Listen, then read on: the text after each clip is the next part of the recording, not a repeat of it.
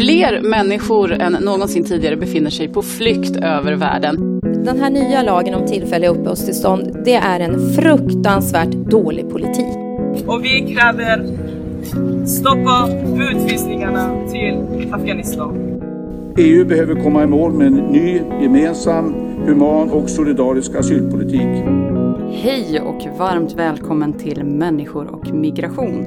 Podcasten som handlar om migration och om de människor som rör sig över gränser. Jag som pratar nu, jag heter Maja Dahl och jag är kommunikationsansvarig här på Arena Idé som ger ut den här podcasten. Och idag så ska vi prata om medicinska åldersbedömningar. Om en asylsökande är över eller under 18 år får stora konsekvenser för vilket stöd personen får under och efter asylprocessen, men även för möjligheten att faktiskt få asyl. Frågan om en asylsökandes ålder är därför mycket känslig. Medicinska åldersbedömningar har länge diskuterats i den svenska migrationsdebatten. Svenska barnläkarföreningen är bara en av de organisationer som kraftigt kritiserat bristande rättssäkerhet i bedömningarna. 2015 sökte över 35 000 ensamkommande asyl i Sverige och i maj 2016 gav regeringen Rättsmedicinalverket i uppdrag att skyndsamt utöka sin förmåga och kompetens att göra rättssäkra medicinska åldersbedömningar. Sedan våren 2017 har Rättsmedicinalverket tagit över alla medicinska åldersbedömningar och nu kommer kritiken. I en rad artiklar som Negra Fendic skrivit för SvD har vi kunnat läsa om hur olika experter dömer ut de åldersbedömningar som Rättsmedicinalverket gjort. Och i november rapporterades att 17 av 20 second opinions går tvärt emot RMVs bedömning. Sedan mitten av mars 2017 har Migrationsverket beställt cirka 10 700 medicinska åldersbedömningar från Rättsmedicinalverket och av dessa har cirka 9600 fått ett utlåtande och cirka 8000 av dem bedöms som äldre än 18 år. Samtidigt så får Rättsmedicinalverket kritik från forskarna bakom metoden som de använder. Vad består kritiken av? Hur allvarlig är den? Och vem bär ansvaret för om ett barn under 18 år utvisas efter att ha blivit felaktigt bedömt? Ja, med mig för att diskutera de här frågorna har jag Arena Idés utredningschef, statsvetaren Lisa Pelling. Välkommen! Tack så mycket! Och dessutom så har vi advokaten Emma Persson med här i studion. Välkommen! Tack så mycket! Tack, vad kul att du kunde vara här. Du är ju, har ju lång erfarenhet med frågorna, du sitter i styrelsen för FAR. Eh, vad är liksom din bild nu av hur debatten går? Ja, min bild det är att det är väldigt intensivt nu och det är ju tack vare, tack vare läkarna som har väckt frågan eh, och drivit på, gjorde det internt under, ja, under början av året och sen så mer eh, intensivt under hösten och eh, Negra Fendic som har skrivit så mycket om det. Eh, ja. Det är väldigt bra. Vi som arbetar med det här är också väldigt tacksamma mm. att, eh, att debatten finns. Mm. För du jobbar ju som före, vad heter det, biträde till Ja, precis, personer. offentligt ja. biträde, exakt. Ja. Eh, om vi då börjar med liksom så här, egentligen den stora frågan varför man gör en medicinsk åldersbedömning från första början. Som jag sa nu inlednings, inledningsvis så har det ju, eh, har ju regeringen gett Rättsmedicinalverket i uppdrag att faktiskt starta upp med att göra de här bedömningarna. Men vem är det som genomgår en medicinsk åldersbedömning och varför görs de, Emma? Man gör det, det är, eh, man gör det på personer då som, som säger att de är under 18 år. Och då åligger det den som ansöker om en rättighet, det vill säga den asylsökande, att visa att man är under 18 år. Eh, och den bedömningen görs utifrån eh, den informationen som kommer fram. Eh, och handläggaren tittar ju då på, på den asylsökande. Eh, och finns det tveksamheter kring, alltså tvekar då handläggaren kring, kring åldern, så eh, kan man föreslå då att den asylsökande får göra en medicinsk åldersbedömning. Eh, och eh, ja, det är då en möjlighet att visa att man är underårig. Mm. Men nu har det kommit fram så mycket kritik mot det här så att det kan vara en metod som, som snarare då kanske skriver upp åldern än, än är till den eh, asylsökandes fördel. Mm. Men det är liksom ett förslag som man ger till den asylsökande så den får själv bestämma sig för att göra det eller kan det finnas att ja. det görs mot ens vilja? Eh, nej, man får, det, det är frivilligt och det är då eh, eftersom det rör sig om barn så har de en god, en god man så att det är de gode männen då och eh, det offentliga biträdet, alltså advokaten som, som beslutar om det. Och eh, barnet får ju såklart också tycka till. Ehm, men det är en, en svår situation för att går man inte med på det så är det eh, som jag förstår det så i princip så skrivs ju alla upp då. Eh, så att man har ja, i realiteten så har man kanske inget val utan går man inte med på det så skrivs man upp i ålder. Går man med på det så finns det ju risk att det blir en eh, felbedömning som vi kommer komma till då med tanke på den stora osäkerheten i den här metoden. Mm. Eh, hur går då själva eh, undersökningen till? Undersökningen går till så att man, man röntgar eh, tänder eh, och eh, knäled. Och det görs två stycken, det görs då av två tandläkare och två stycken röntgenläkare. Och sen så eh, kör man in den här informationen i en matris eh, som då en, eh, en rättsläkare tittar på. Och sen så skriver en rättsläkare det här utlåtandet. Eh, så att rättsläkare gör ingen bedömning av själva eh, alltså, röntgen, alltså undersökningarna, utan rättsläkaren i princip så skriver man ju bara under, alltså Mm. undertecknar någonting. Och vad händer då sen när den här bedömningen kommer tillbaks till Migrationsverket? Alltså hur, hur viktas den informationen? Den får ju väldigt, väldigt stor betydelse. Man kan väl säga att stå, eh, framkommer det att man då, att det talar för att man är över 18 år eller så, alltså att man gör den bedömningen så, så har jag svårt att se att Migrationsverket tar ett beslut om att man skulle vara eh, underårig. Mm. Utan det, man går på det här. Vilka andra fin- sätt finns då att göra de här åldersbedömningarna? Alltså vi- vad, vilka annan information kan komma in? Ja, annan information det är ju då, det kan ju finnas ID-handlingar. Ehm, Man kan ha föds, födsloattester, någonting sånt. Ja, precis, Mm. exakt. Eh, och också kanske att, eh, att det finns något yttrande från socialtjänsten eller från eh, lärare, alltså annan personal. Eh, och också att barnet då i, i processen får berätta om hur länge man har gått i skolan, vad man minns och, och sådär. Alltså berätta lite om sin bakgrund. Men det, det blir ganska mycket ändå en, en gissningslek för det är jättesvårt att se. Det vet man ju bara, bara själv, alltså utifrån ja, hur det fungerar på när man handlar på Systembolaget och sådär. Så att bedöma en människa utifrån eh, från utseende, det är ju jättesvårt. Men, jag men det blir finns fortfarande också, läggad, jag är 35 liksom. Ja, ja men precis. Och sen så finns det, det finns ju andra metoder, men nu kanske du menade eh, utöver den medicinska, men det finns också Precis. andra. Tidigare så hade man ju då både, eh, då var det tänder och handled. Eh, det var den metoden som ifrågasattes innan den här nya då sjösattes. Och sen så, så finns det en som, eh, som jag förstår det som eh, är mer rättssäker än den vi har. Och det är eh, den tyska då, eh, Arbeitsgemeinschaft für forensische Altersdiagnostik, det är AGFADs. Och då röntgar man både tänder, handled och nyckelben. Och den ska vara eh, ja, mer säker än den vi har. Som jag förstår det. Ja, jag tänker att vi kommer komma mer in på liksom metoden och kritiken som Ja, finns gentemot absolut. liksom de, de metoder som nu används. Men Lisa, eh, vad är det som har lett fram till att man ändå har börjat eh, med de här medicinska åldersbedömningarna? Att de har fått sån fart att det görs i den utsträckning det görs nu? Så en, en anledning är ju det stora eh, antalet fall som finns eftersom det var ett Eh, ovanligt stort antal minderåriga som sökte asyl i Sverige just eh, 2015. Man hade under åren innan haft några hundra, högst ett par tusen och så blev det 35 000 ansökningar om asyl från eh, ensamkommande barn under, under det året. Så det sätter ju liksom press på på vilket system som helst. Men, men det som hände var att att eh, när enskilda barnläkare tvingades göra medicinska åldersbedömningar så, så uppfattade man att det inte fanns någon metod som man kunde använda sig av med sitt läkarsamvete intakt så att säga. Eh, vilket gjorde att, att eh, ja, den svenska barnläkarföreningen gick ut och rekommenderade att man inte skulle delta i den här typen av, av åldersbedömningar eh, och enskilda läkare också vägrade att utföra dem. Det fanns också ett problem med att de rekommendationer som Socialstyrelsen hade utfärdat sen inte följdes. Och min tolkning av det hela är att i ett sånt läge när detta inte utförs bra eller kanske inte ens utförs alls så kände sig regeringen tvungen att liksom peka med hela handen och då har regeringen i sin liksom, arsenal av verktyg sina egna myndigheter. Rättsmedicinalverket är en statlig myndighet som lyder under regeringen. Regeringen kan tala om för myndigheten vad myndigheten ska göra.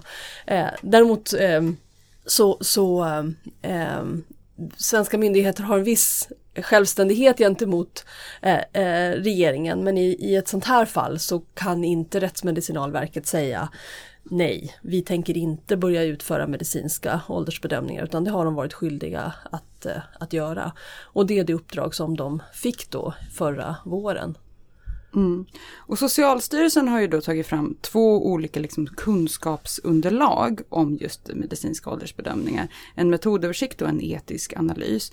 Och dessutom har de ju då fått uppdrag att fördjupa kunskapen om det arbetet. Och det, det kommer ju då redovisas den 31 maj nu i år.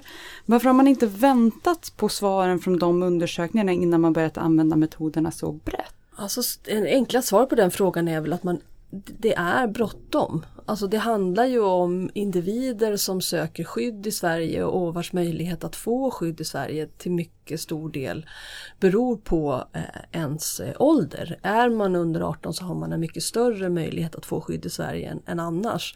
Och, och, och, och liksom för varje månad man måste vänta så, så ökar ens ålder om man, man eh, så att säga, rör sig bort från, från liksom 18 års dagen. Så att det, det, är viktigt att det är, går till snabbt. Sen, sen eh, ehm, är det klart att man kan tycka att eh, Socialstyrelsen borde ha gjort den här typen av, eh, av utredningar och genomgångar och kunskapsöversikter tidigare än 2015 och, och 2016. Eh, det man väntar på nu det är en bedömning av eh, användning av metoder med eh, eh, magnetkamera. Det är det som, som man håller på att utvärdera nu. Den utvärderingen skulle varit klar i november förra året men den har då blivit uppskjuten till som du sa till, till maj. Och frågan är om den kommer att ändra särskilt mycket. Det, det är osäkert. Men om vi då går in på den kritiken som ändå har kommit upp. Så som jag sa inledningsvis så eh, Negra Efendic har ju för SVDs räkning då granskat de här medicinska åldersbedömningarna som har gjorts eh, då under 2017. Eh, vad är det egentligen som har framkommit i den granskningen Lisa? Ja, hon har ju då kunnat visa hur pass osäkra de här bedömningarna är samtidigt som hon har kunnat bekräfta den bild som du ger Emma också att det är nästan alltid så att Migrationsverket följer de här bedömningarna. Och att man, man kan väl säga att det, det, finns en slags liksom uppfattning om att när man kallar någonting medicinsk bedömning så är det som att det är naturvetenskap och då är det liksom ställt utom all rimlig tvivel, som man säger på juridiska, om att det skulle vara på det här sättet. Eh, och, och eh, Det gör att, att de här, den här typen av åldersbedömningar får väldigt, väldigt eh, skarpt eh, genomslag. Samtidigt så har hon eh, också kunnat eh, belysa hur, i vilken utsatt situation de eh, asylsökande barn befinner sig i som tvingas underkasta sig den här typen av, av medicinska åldersbedömningar eftersom man i praktiken då som Emma beskrev eh, saknar en valmöjlighet. Och, och en aspekt av det är ju att andra bevis på ålder har värderats väldigt lågt. Att man har haft ID-handlingar men som Migrationsverket inte har godkänt. Man kan ha haft skolbetyg med sig som man inte anser att man kan eh, använda. Så man är liksom utlämnad till den här typen av, av medicinsk eh, bedömning. Men det som har varit eh, det som som Negra framförallt har lyckats göra det är att hon har visat att de två forskare som står bakom den empiri som ligger till grund för den metod när det gäller eh, att bedöma mognaden i knäleden själva inte tycker att den kan användas på det sätt som rättsmedicinal, Rättsmedicinalverket gör och inte kan ligga till grund för den typen av beslut som, som de hävdar. Mm. De skulle inte ställa upp på att vara den här läkaren som undertecknar att det som kommer ut ur den här matrisen är eh, korrekt. Det, det, är det som hon har fått fram för dem, från dem. Mm. Ja, precis, det är väldigt tydligt i Negras eh, granskning att just både nationella och internationella experter sågar ju eh, den här metoden och eh, de rättsmedicinska professorerna gör det med, rättsläkare gör det. Det började här i höstas med att ett antal rättsläkare skrev en debattartikel och sen så, så är det så att Rättsmedicinalverket står, de experter och ledning de avfärdar ju den här kritiken. Det är tydligt i hennes granskning att de inte, eh, de bemöter inte med, med riktiga argument. Det finns inga svar, det är bara eh, tomma argument. Och Eh, och det leder till att Rättsmedicinalverkets trovärdighet eh, som expertmyndighet att det urholkas. Alltså, mm. Det är väldigt allvarligt. Det har ju då kommit in, alltså man har ju hämtat second opinion, så jag antar att det är en sån, ett sån, en sån del som du gör i ditt yrke, eh, att man begär in det. Um, vad kan man säga om de second opinion som nu har kommit fram i granskningen? Alltså vad de lyfter fram som kritik eller vilka utlåtanden de ger. Vilken vikt kan man lägga vid second opinions i det här fallet? Ja, lika mycket skulle jag säga som, som, som den första granskningen. Och, och de här second opinions som har gjorts, eh, majoriteten då, eller det som, som har kommit fram i Negras granskning har gjorts av en eh, professor då, emeritus eh, Håkan Mörnstad, som har ett företag, Forodont, som tidigare gjorde eh, ja, medicinska åldersbedömningar då innan det fanns en, en sjösatt metod. Eh, och han har ju kommit fram till att eh, han larmade först om att 17 av 20 granskade fall gick emot Rättsmedicinalverkets eh, linje och sen så nu senare så var det eh, vad jag förstod att det var 80 andrahandsutlåtanden varav då eh, hälften av dem gick emot Rättsmedicinalverkets bedömning. Och då har ju då eh, Håkan Mörnstrand, han har sagt att han, han gör inte eh, second opinions eller andrahandsutlåtande längre för att det är, det är ett systemfel som mm. anser han. Mm. Eh, väldigt allvarligt och han är ju eh, han är ju inte rättsläkare men han är ju expert på han ingår i en sån internationell expertgrupp just på medicinska åldersbedömningar. Vad tänker du Lisa om just när det kommer till de här second opinions? Nej, det är väldigt, väldigt eh, allvarligt när, när läkare som, som har en möjlighet att eh, så att säga eh, ja, eh, göra en, en, en bra bedömning av det här som är experter på området, som har lång erfarenhet, som har tittat på många sådana här bilder tidigare, dömer ut eh, metoden. Det, det, är, det är väldigt allvarligt.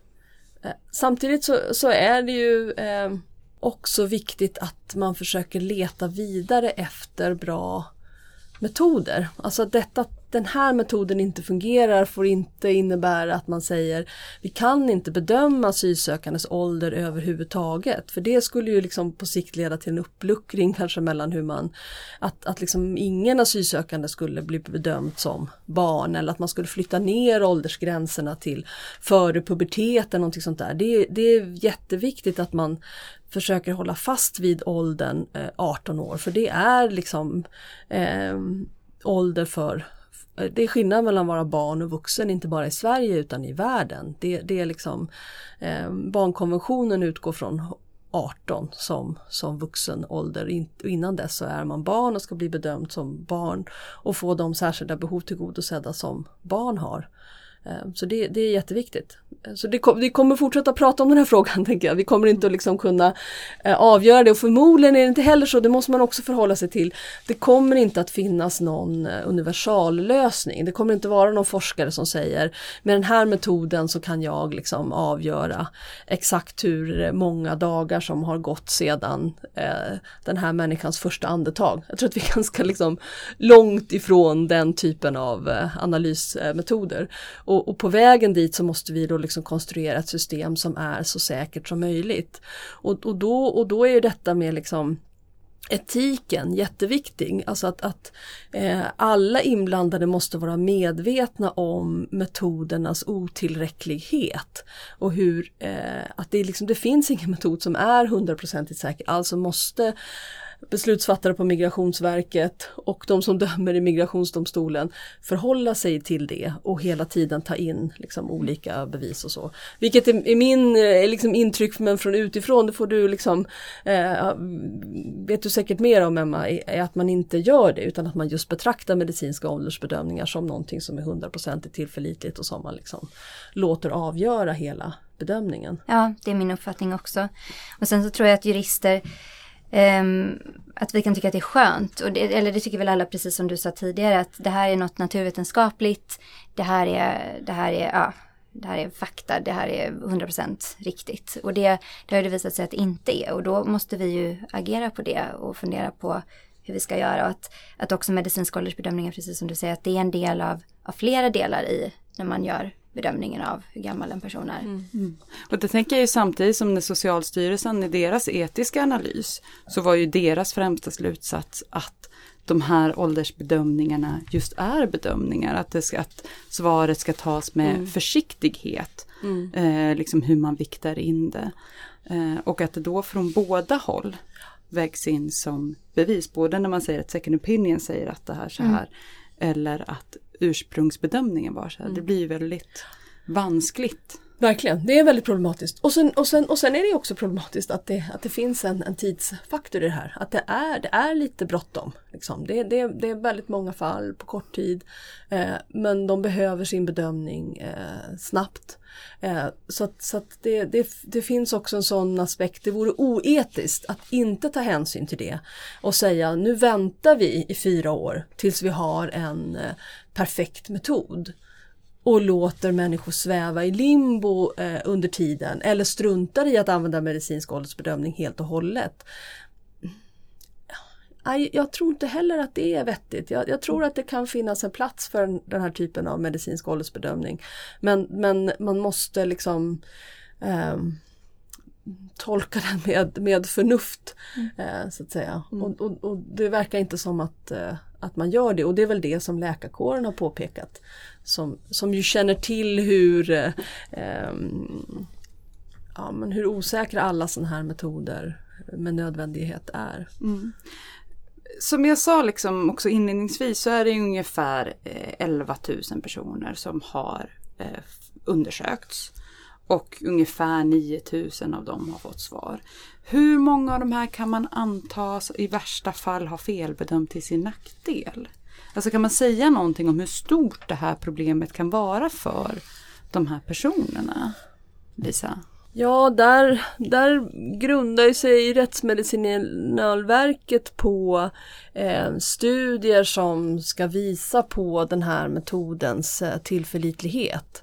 Eh, och de, de hävdar ju att den metod som handlar om röntgen av knäled till exempel ska ha en väldigt, väldigt eh, låg grad av att kunna visa fel. Det handlar inte ens om 10% som skulle felbedömas enligt det. Men, men, eh, men där är som sagt just den metoden har ju eh, kritiserats av de som just har gjort dessa studier som har sagt att man kan inte tolka det på det sättet som Rättsmedicinalverket har, har gjort. Ja, Rättsmedicinalverket skriver så här, enligt ännu icke publicerade uppgifter gör den senaste studien på området gällande att knappt 20% av 17-åringarna som undersöktes hade en mogen tillväxtzon i knät och att ingen av dessa var yngre än 17 och ett halvt.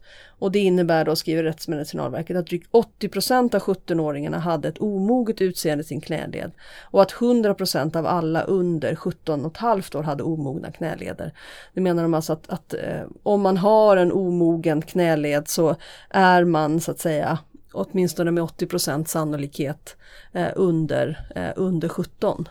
Eh, så att eh, om det här eh, liksom eh, stämmer så är det en ganska hög tillförlitlighet i att göra den här undersökningen. Men det är också liksom eh, finnas liksom eh, eh, aspekter, vilken typ av ungdomar har man undersökt här? Har man undersökt ungdomar som har vuxit upp i eh, Tyskland med den typ av kost, med den typ av motion som man får i, av den typen av uppväxt? Är det möjligt att knäleden kan mogna snabbare under andra villkor när man har tvingats arbeta för sin försörjning istället för att sitta still i skolan till exempel? Allt sånt är fortfarande ganska eh, outforskat. Eh, så det, det, skulle man, det kan man inte ta hänsyn till. Och sen så tänker jag att man får jämföra det här också med det som jag sa tidigare, vad Håkan Wörnstad kom fram till, hur, hur stor andel som han menade var felaktigt bedömda. Att han var ju uppe 17 av 20 granskade fall gick emot och sen eh, ja just det, hälften då av 80 stycken andrahandsutlåtande. Om man tittar på det då, då ja, om det skulle vara 11, 9000 som har fått svar hälften av dem, då är det 4500. Det vet vi ju inte. Så att potentiellt så skulle det kunna Tusentals vara liksom kan ha fått det. tusentals Ja. Felbedömda till sin nackdel. Men då Emma, du som jobbar med de här uh, ungdomarna eller de här klienterna, så vilka, vilka konsekvenser får liksom avslöjanden kring, kring de metoder som används för dina klienter? Så hamnar man i någon limbo eller vad, vad sker när debatten blir på det här sättet? Ehm, det som är det är ju att ehm, ja, att mina klienter och jag hoppas att det här kan leda till en förändring och då eh, kanske i andra instans, alltså hos domstolarna, eh, i de ärendena som inte är avgjorda. Men eh, det kan ju också vara så att, eh, för precis som Lisa sa, så är många, många är runt 18-årsåldern. De kom kanske hit när de var 16.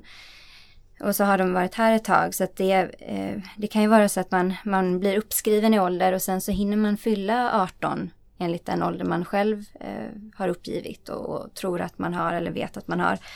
Och mm, då, då, spelar det inte så stor roll för då är man ju redan, då är man 18 år och då ska man bedömas som att man är vuxen. Så att det är ju, eh, det här leder ju till en oerhörd rättsförlust för, för mina klienter och för många asylsökande. Alltså att de får inte det tillståndet de skulle haft rätt till. Mm. För, för tillståndet, asyl, eh, liksom uppehållstillståndet bedöms utifrån den dagen du får din bedömning, inte från den dag du kom då. Ja, precis. precis. Så det, det, det har ju varit så också att Migrationsverket har eh, ändrat, man har skrivit upp i ålder med, med någon dag kanske, eller några dagar eller någon månad för att man ska kunna fatta ett beslut. Så det är ju, mm. ja. Det är inte rättssäkert och det går ju inte heller att, att rätta till då i efterhand för alla de här barnen. Mm. Ja, och några av de här som har bedömts kanske redan har utvisats. Ja, så kan det vara, absolut. Mm. Um, Men tiden är så obenhörlig liksom i de här mm. fallen. Verkligen, så hinner du fylla då är det ju liksom, då är det omöjligt för dig att bli bedömd som det barn du var när du sökte asyl. I vilket fall som helst. Mm. För då blir, blir du bedömd som, som vuxen. Mm. Om vi går vidare då kring kritiken som framkommit så en del av kritiken eh, av, eh, i den här granskningen är ju svårigheten att få svar. Eh, Rättsmedicinalverket har enligt Defendich varit svår att få tag på. Likaså Migrationsverket. Helene Fritzon har tackat nej till intervju. Vem är det egentligen som bär ansvaret för de eh, åldersbedömningarna och vem bör ställas till svar i de här fallen, Lisa? Alltså, i, I det här fallet tycker jag att det är liksom tydligare än på många, många andra områden att det är regeringen som har ansvaret. För när, när enskilda läkare sa vi kan inte ta ansvar för det här och när Socialstyrelsen konstaterade man följer inte de rekommendationer som vi har eh, eh gjort kring detta. Då pekade regeringen med hela handen och sa den här myndigheten, Rättsmedicinalverket, ska från och med nu göra de här bedömningarna. Punkt slut. Det är upp till Rättsmedicinalverket enligt god svensk förvaltningstradition att avgöra hur, men de ska eh, göra det. Och det gör liksom myndigheten lydigt. Men, men uppdraget kommer väldigt, väldigt tydligt från eh, regeringen. Så det är klart att, att, att det faktum att man har gett detta uppdrag det, den den liksom frågan, den, den ansvarar ju eh, Helene Fritzon för som, som minister i, som statsråd i, i regeringen. Eh, men, men sen är det såklart liksom ledningen för myndigheten som ansvarar för exakt hur det här eh, utförs. Eh, man kan ju också pekar på att det är regeringen som såklart har ansvar för att se till att myndigheten har tillräckligt med resurser för att utföra uppdraget. Men vad jag förstått så har Rättsmedicinalverket inte sagt att det skulle vara ett problem i det här fallet. De har inte liksom eh, begärt resurser som de inte har fått utan det verkar ha fått det som de, som de, an, de anser att de behöver för att kunna utföra det här eh, uppdraget. Har Migrationsverket något ansvar? Ja, Migrationsverket har ju ansvar för hur man värderar den här eh, informationen. Alltså hur, hur det här spelar in med resten av bedömningen av en persons asylskäl, trovärdighet som är helt centralt i de här eh, ärendena och andra möjligheter att eh, under, alltså så att bevisa sin ålder som, som asylsökande har. Och, och, och, där kan man ju ställa krav på att Migrationsverket borde kanske vara ännu tydligare i sina riktlinjer kring detta eftersom som liksom eh, den, den information som kommer från eh, offentliga biträden, gode män är att eh, de som fattar beslut på Migrationsverket verkar lägga väldigt stor vikt vid eh, eh Rättsmedicinalverkets medicinska åldersbedömningar. Kanske utan att liksom egentligen ha, ha fog för det. Då. Mm. Jag instämmer i det som Lisa sa nu. Mm. Om man då tänker på, så nu säger du så ytterst ansvarig i det här fallet är då Helene Fritzon, migrationsminister, och hon har tackat nej till intervju. Mm. Vad tänker du som statsvetare att man då som migrationsminister inte går ut och tar Mm. den intervjun då? Mm, mm. Ja, nej det gör ju det lite otydligt liksom vem det är som är eh, ansvarig. Samtidigt så är ju ehm, om hon skulle svara allt för detaljerat på frågor kring det här så skulle hon ju kunna riskera att eh, desavouera liksom sin myndighet. Hon måste ju samtidigt liksom utgå ifrån att myndigheten sköter sitt uppdrag på bästa sätt och det är också myndigheternas uppdrag. Det här liksom att bestämmer regeringen, hur bestämmer i väldigt hög utsträckning eh, myndigheten och sen är det upp till myndigheten att eh, tala om för regeringen om det är så att man behöver eh, eh, resurser eller till exempel förtydligande i lagstiftning. Ett sådant initiativ kan också komma på olika vägar från en myndighet och säga vi uppfattar att det här eh, eh, uppdraget kräver att vi har stöd eh, i lagstiftning till exempel. Men det har, inte, det har, något sånt har inte heller vad jag vet kommit från, från Rättsmedicinalverket. Men jag, jag tycker nog att, att det skulle inte skada att ställa upp på en intervju tycker jag. Jag tror att eh, Negra Effendi tillhör de liksom, journalister i Sverige också som har koll på detta. Vem som är ansvarig och på vilket sätt och skulle kunna liksom eh, undvika att ställa frågor om enskilda fall till exempel som ju statsråd aldrig kan svara på. Eh, Mm. Och det ska de inte göra heller. Men, men eh, ja, det, det tror jag. Det borde de göra.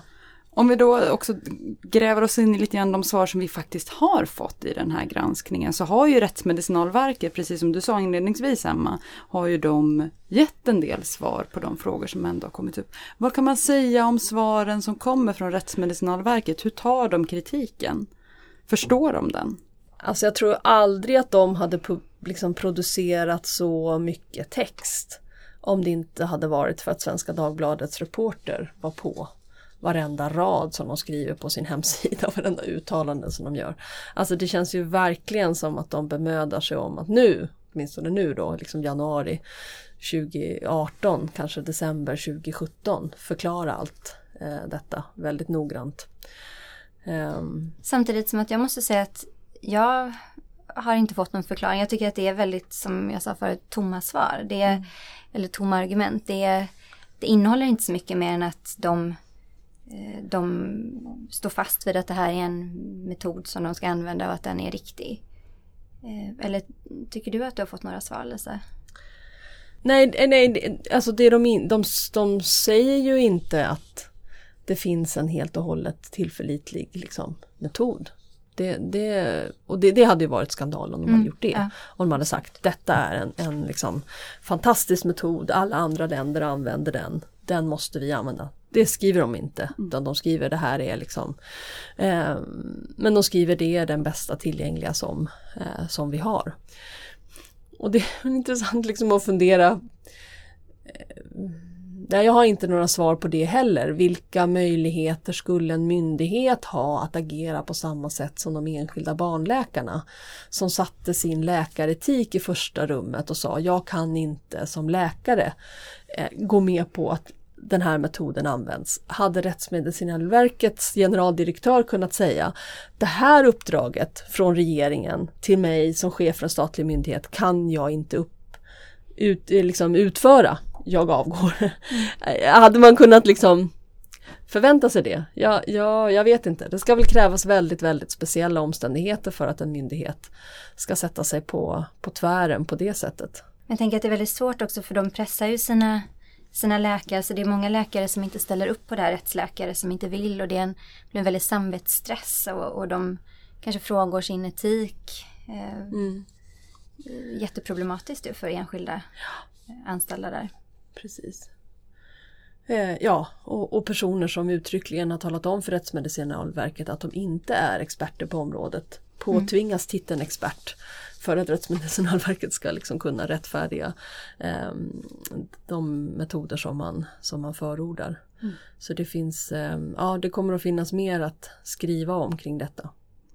Hur tänker ni på hur man har bemött ändå den kritiken att det är forskare som ligger bakom metoden som har kritiserat hur Rättsmedicinalverket använder den. Hur bemöts den kritiken av verket? Ja, alltså den kritiken är ju väldigt eh, tung men det de eh, säger när kritiken från de här tyska forskarna kom eh, var ju att eh, eh i princip tolkar jag som det finns ändå ingen annan bättre metod.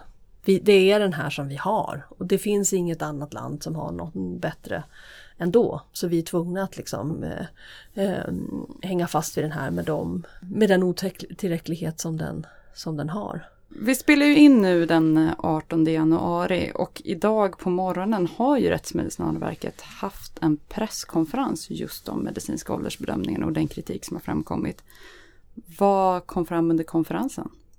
Jag skulle säga att de eh, sa mycket det, av det som vi har sagt idag, det vill säga att det var ett hopplöst läge när Rättsmedicinalverket fick det här uppdraget, att de fick ett uppdrag, de är en statlig myndighet, de fick ett uppdrag från regeringen, de är skyldiga att utföra det.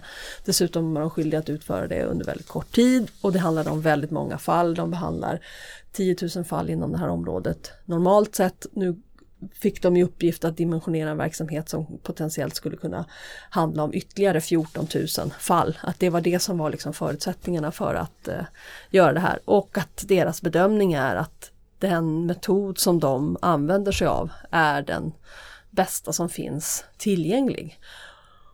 Och de hävdar att de har varit tydliga med att den inte är perfekt, att den inte är hundraprocentig. Ehm, jag, jag, tycker liksom att, att, eh, den granskning som har varit visar att de borde ha varit tydligare med det eh, tidigare och att den, det som de har kommunicerat utåt trots allt har varit att det här är en, liksom en metod som kan ges väldigt eh, stor tyngd i eh, inte minst Migrationsverkets bedömning. Då. Emma, när du eh, hör vad de säger på konferensen och sitter där med dina liksom, eh, biträ, offentlig biträde och advokatglasögon på, vad ser du då? Eh, ja, jag tycker det är, jag blir ju upprörd för att, att, att man inte lyssnar på den kritiken eller inte tar till sig kritiken och det som jag var inne på så finns det ju den metoden som jag nämnde som det här tyska sällskapet har, den, att den då skulle vara mer tillförlitlig. Ehm, och att, eh, att det ändå är en så stor osäkerhet. Jag, jag tycker det är oroväckande att, att de inte lyssnar. Det verkar som att det har gått mycket prestige i att det här eh, på något sätt till varje pris så ska det vara den här metoden och de ska eh, ja, fortsätta med det. Mm. Eh, jag vet inte varför det har blivit så prestigefullt för Rättsmedicinalverket. Jag hade önskat att de hade kunnat eh, ja, vara mer ödmjuka inför det här. Jag, nu när du säger det om prestige, jag blev ändå förvånad över, för jag satt och kollade på presskonferensen, att den frågan faktiskt kom upp under presskonferensen. Att en journalist, nu har jag tyvärr glömt bort namnet på journalisten, men ställde den frågan, så här, men det är, in, det är inte kul att ha fel. Har ni bara svårt att erkänna att ni har fel nu? Mm. Och att det på riktigt blev en diskussion. Mm. Jag, jag mm. vet inte, är det någonting som ja, är vanligt när ja. man pratar med myndigheter? Har nej, ni svårt att erkänna nej, att ni har fel? Nej. Ehm, men, men det är väl kanske det som också grävande journalister liksom fruktar mest av allt.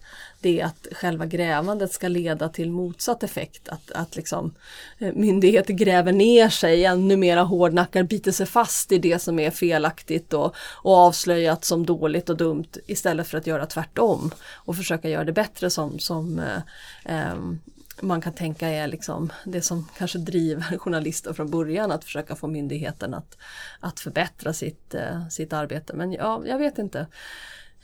En, en del kan säkert vara eh, prestige, en annan del kan vara att Rättsmedicinalverket inte riktigt förstår hur det som, det är en metod liksom, som de använder, de bedömningar som de gör, hur de används av andra myndigheter. Att, att felet liksom uppstår i deras kommunikation av hur hur tillförlitligheten liksom ska, till de här undersökningarna ska bedömas. Mm. Att, det, att de bedöms som hårda fakta, liksom, den absoluta mm. sanningen, när de inte är det. Det, det, är, det är ett jättestort uh, problem. Och det är ett problem att, att um, kanske att Migrationsverket skulle behöva liksom bättre riktlinjer, mer, mera stöd till att bedöma andra typer av eh, dokumentation gällande ålder.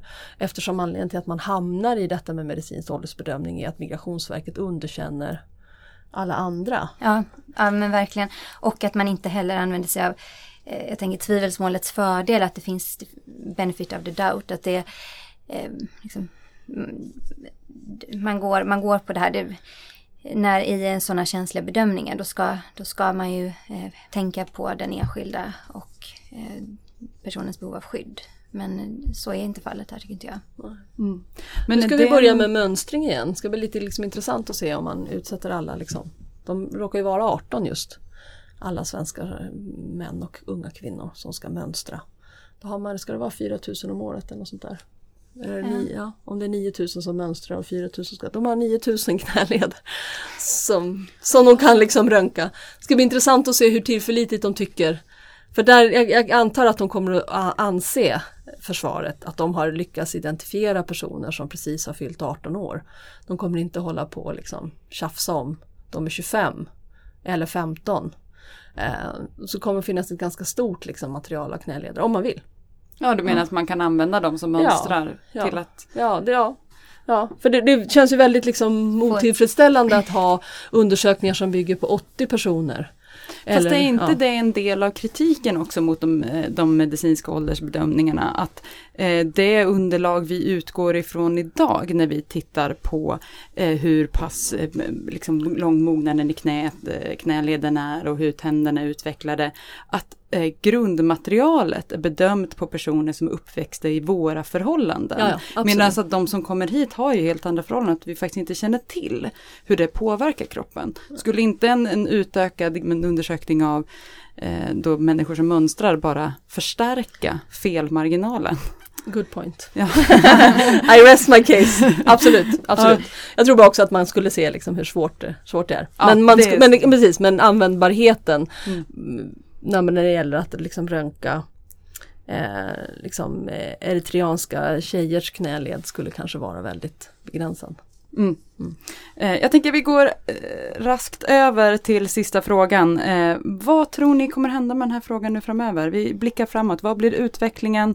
Vad mer måste komma fram för att man kanske förändrar vilka metoder man använder? Emma?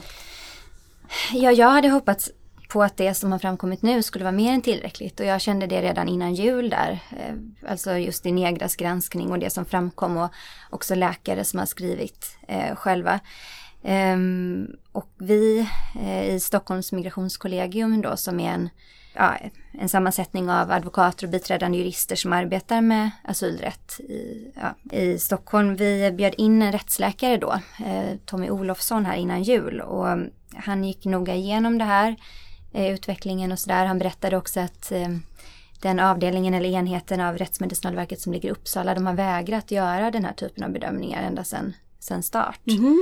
Eh, för att de då anser att det inte är en riktig metod och att de inte heller är experter på det här området, att de inte har den erfarenheten. Och, och på grund av det som kom fram så ansåg jag och en, eh, Eh, en annan advokat, Karin Gyllenring, att vi kan inte bara det här låta passera utan och skriva någonting i sociala medier eller så om det, utan vi måste agera. Så att då, eh, då skrev vi, och så var det många då i Migrationskollegiet som undertecknade, att vi skrev till ja, ansvariga myndigheter, Rättsmedicinalverket, Migrationsverket och ministrarna att eh, att det här är väldigt allvarligt. Eh, ja, men vi, det har inte lett till någonting, men vi tänkte att vi, vi måste ändå eh, lyfta det. Eh, Det som han berättade för oss. Och sen som han sa, han är inte expert på det här. Han, eh, han är rättsläkare, det är det han kan. Han är inte expert på åldersbedömningar. Eh, och så som han sa att det som rättsläkarna då gör när de skriver under det här, det hade lika gärna en assistent kunnat göra. Eller precis som jag vet Negra har också uttryckt sig som att det hade vem, som- vem som helst. Hon Ja precis, för de mamma. ska bara Ja. se att de här fyra totalt som har bedömt, två på tand och två på knäled, har bedömt samma person. Ja, och precis, att, eh, ja. att de har fyllt i rätt siffror så att det sammantagna liksom indexet som blir av de här bedömningarna stämmer överens med det som står på pappret som man liksom satte en kråka där. Ja precis, så det Ja. skulle eh, vilken byråkrat som helst kunna göra egentligen. Exakt och sen så, nu svävar jag kanske ut lite här men, men, men eh, som han sa då att rättsläkarna vet ju inte heller vilken kompetens som tandläkarna har eller eh, röntgenläkarna. Eh, det är upphandlat men de vet inte om de vad de har för, de, om de är experter på det här eller vad de har för bakgrund. Så det, är, det är väldigt osäkert underlag också. Eh, om jag fortsätter, så det som jag anser behöver göras det är att man stoppar de här bedömningarna menar jag nu och att man, man, ja, man får annullera de som har gjorts och sen så är frågan hur man ska gå, gå vidare framåt. Vad, vad kan man göra då för, för alla de här barnen som, som förlorar sin rätt till uppehållstillstånd då kanske? Ja. Du ser inte väldigt stora risker i det då? Att man stoppar Ja. åldersbedömningarna. Ja. Men jag tänker att det, det, är så, det är så osäkert så jag... Mm. ehm, Man kan inte försvara att man fortsätter med det oavsett liksom resultatet på dem. Det är trots allt en del som kan styrka sin ålder, Ja. att de är under 18 med hjälp av det. Ja det är svårt för då, det har ju framförallt varit tänker jag de som är ganska mycket, alltså mycket Mm. under men eh, Nej jag tycker de ska stoppas, Mm. det är min inställning till det här. Lisa, vad, vad tror du utvecklingen blir nu? Ja men jag, jag tror att det mycket väl kan bli så som, som Hemma tycker att, att det, liksom, det finns ett väldigt starkt eh, krav på, eh, på det. Eh, jag kan också tänka mig att eh, det bidrar att man har lyckats bedöma så pass många fall redan. Att man tänker sig att man ändå klarat av de allra flesta. Alltså att man retroaktivt skulle gå och riva upp åldersbedömningen på de 9000 som redan har fått besked. Det tror jag är helt uteslutet, det kommer man inte göra. Men är däremot så kan 9000 man- från mars till det 31 Ja, december. Ja, så det är ett Ja. väldigt stort antal fall som har bedömts under väldigt kort tid. Jag skulle tro att man liksom tänker sig att man har klarat av den pucken för att uttrycka mig lite, eh, vad ska man säga, omänskligt.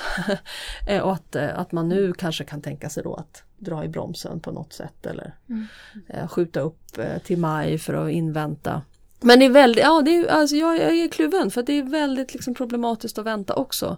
Eftersom det ju också gör att de som skulle kunna få en, liksom, en, en medicinsk åldersbedömning som talar till dess fördel, som bekräftar att de, att de är 16 och inte 22, eh, inte kan få den eh, och därför riskerar då att, att utvisas som vuxen när man hade kunnat få skydd i Sverige som, som barn. Det, det, är, ju, det är ju också eh, problematiskt. Så man kan ju hoppas att, att det här liksom arbetet med att systematisera kunskap, lära sig mer, eh, utvärdera metoder också i andra länder, att Världshälsoorganisationen till exempel kanske med svenska biståndsmedel skulle kunna liksom få i uppdrag att göra liksom en, en, en, en eh, guide på det här området, ta fram best practice, att det liksom fortsätter så att, så att barn som söker asyl i Sverige i framtiden får eh, en, en mycket bättre bedömning och, och, eh, och snabbare. För det är väldigt problematiskt att, att så många har fått vänta så länge också. Man tänker liksom den politiska vägen, vi har en KU-anmälan nu som ligger mot Helene Fritzon. Det har precis varit en interpellationsdebatt kring de här frågorna där hon står fast vid att man använder medicinska åldersbedömningar på det här sättet. Rättsmedicinalverket var idag väldigt tydliga med att man kommer fortsätta. Ser du att viljan finns? Nej, alltså och tyvärr är det väl så att eh, det finns inte någon jättestark liksom, politisk eh, opinion eh, heller i den här frågan. Det finns många som är väldigt engagerade men, men det är inte mm, tillräckligt brett kanske för att politikerna ska anse att de eh, behöver eh, bry sig. Eh, och det har vi pratat om tidigare tillfällen i podden. Det, det är den här gruppen av eh, ungdomar, framför allt liksom unga män från Afghanistan som jag tror att politikerna upplever är den, den, den svåraste gruppen. Eh, och det är så tragiskt för att det är ju samtidigt en grupp som har ett enormt behov av skydd och som har en enorm potential. Människor som kommer som unga till ett land, de ska vara helt liksom krass och politikerkrass, är ju de som har språkfönstret öppet, som har en möjlighet att liksom skaffa sig sin utbildning i Sverige, som har ett långt arbetsliv framför sig, som är, suger åt sig av eh, värderingar, perspektiv, eh, livsstil, som ju också visas av de som, som avvisas sen eh, och tvångsutvisas till Afghanistan, eh, att, att, att återanpassningen är väldigt, väldigt svårt för att man har i sån stor utsträckning liksom under de här åren som man har varit i Sverige blivit svensk. Så det finns en enorm potential i den här gruppen men, men jag tror att liksom politiker upplever den som väldigt problematisk. Ja, nej, jag tänkte lägga till att man har ju tillfälligt stoppat för flickor här. Ja, just det. Ehm, för att det är för stor felmarginal där eller för, för osäkert. Ehm, men ja, du skulle fråga något. Ja, det jag tänkte var sen en annan del av utvecklingen som, som jag skulle vilja- höra hur du tänker kring Emma. Det är ju det att, att ni som sitter som offentliga biträden nu hamnar i att ni får överklaga de här besluten. Mm. Ehm, om överklaganden? Vad, vad ser du, så här, vad, vad, kan ni få ut av de här överklaganden? Tror du att det kan bli en förändring av att väldigt många av dem faktiskt blir till den asylsökandes fördel? Jag vet inte där. Eh, det, det, är precis som vi varit inne på att de här medicinska åldersbedömningarna de har blivit så, de väger så, de väger så tungt. Och det också i, i domstolarna. Och för att vi jurister, vi, eh, vi kan inte det här. Och litar också på att det är en eh, det är Rättsmedicinalverket, de har hög status. Eh, så det är ju det är problematiskt för asylrätten. Eh, om, de, om de tappar såklart den statusen och även då i brottmål. Alltså att det mm. Mm. är väldigt viktigt för rättssäkerheten att mm. man litar på det Rättsmedicinalverket eh, säger. Mm. Så att eh, risken finns, finns det liksom en risk att domstolarna börjar lita mindre på Rättsmedicinalverket genom att sånt här framkommer? Eh, det vet jag inte, men det, det kanske är fel att säga att det kan man hoppas, men det är att är mer sunt kritiska vore bra. Mm. Jag kan tänka mig det kanske liksom att måla fan på väggen men att, att en, en, en väldigt liksom negativ konsekvens skulle vara om man säger att nej, det är för svårt att bedöma ålder just vid 18 års ålder. Vi måste flytta definitionen av vad som är ett barn längre ner i åldrarna för att göra det enklare. Man tänker att det är enklare att avgöra om någon liksom är, är mellan, eh, mellan liksom 15 och 18 istället för att någon är mellan liksom 18 och, och 20. Mm. Eh, och det, det, skulle, ja, det som jag sa tidigare, det skulle vara väldigt, väldigt allvarligt. Mm. Med det sagt så är det alltså dags att avsluta dagens avsnitt. Stort tack till Emma Persson och Lisa Pelling för att ni kom in och pratade om det här mycket knöliga ämnet med mig. Eh, som vanligt så där vi slutar i att man önskar att saker och ting vore lättare men som vanligt med migrationsverk, eller migrationsfrågor så är det svårt. Eh, men stort tack för att ni kom hit och nästa avsnitt av Människor och migration, det kommer den 2 februari. Om du som lyssnar vill lyssna på något annat som Arena Idé ger ut medan du väntar på nästa avsnitt så lyssna gärna på Syskonpodd Pengar och politik. Eller ta dig in på eh, din podcastapp och hitta Arena Play för där hittar du eh, inspelningar från seminarier som Arena Idé ger ut. Eh, och dessutom så hittar du Jakten på den jämlika skolan där våran eh, utbildnings podd där statssekreteraren Erik Nilsson nu har varit i studion och pratat med Vesna Prekopic om hur vi kan göra en skola som eh, ger alla elever en bättre start i livet. Har ni frågor eller kommentarer på dagens avsnitt så går det bra att antingen twittra det till oss på arenaidé. Man kanske kan twittra till dig Emma också om man har några frågor. Ja, advokat eh, Emma heter jag. Toppen. Eller skriv det på vår Facebook-sida, sök på människor och migration så hittar ni oss där. Med det sagt, tack för att du har lyssnat och vi hörs igen om två veckor.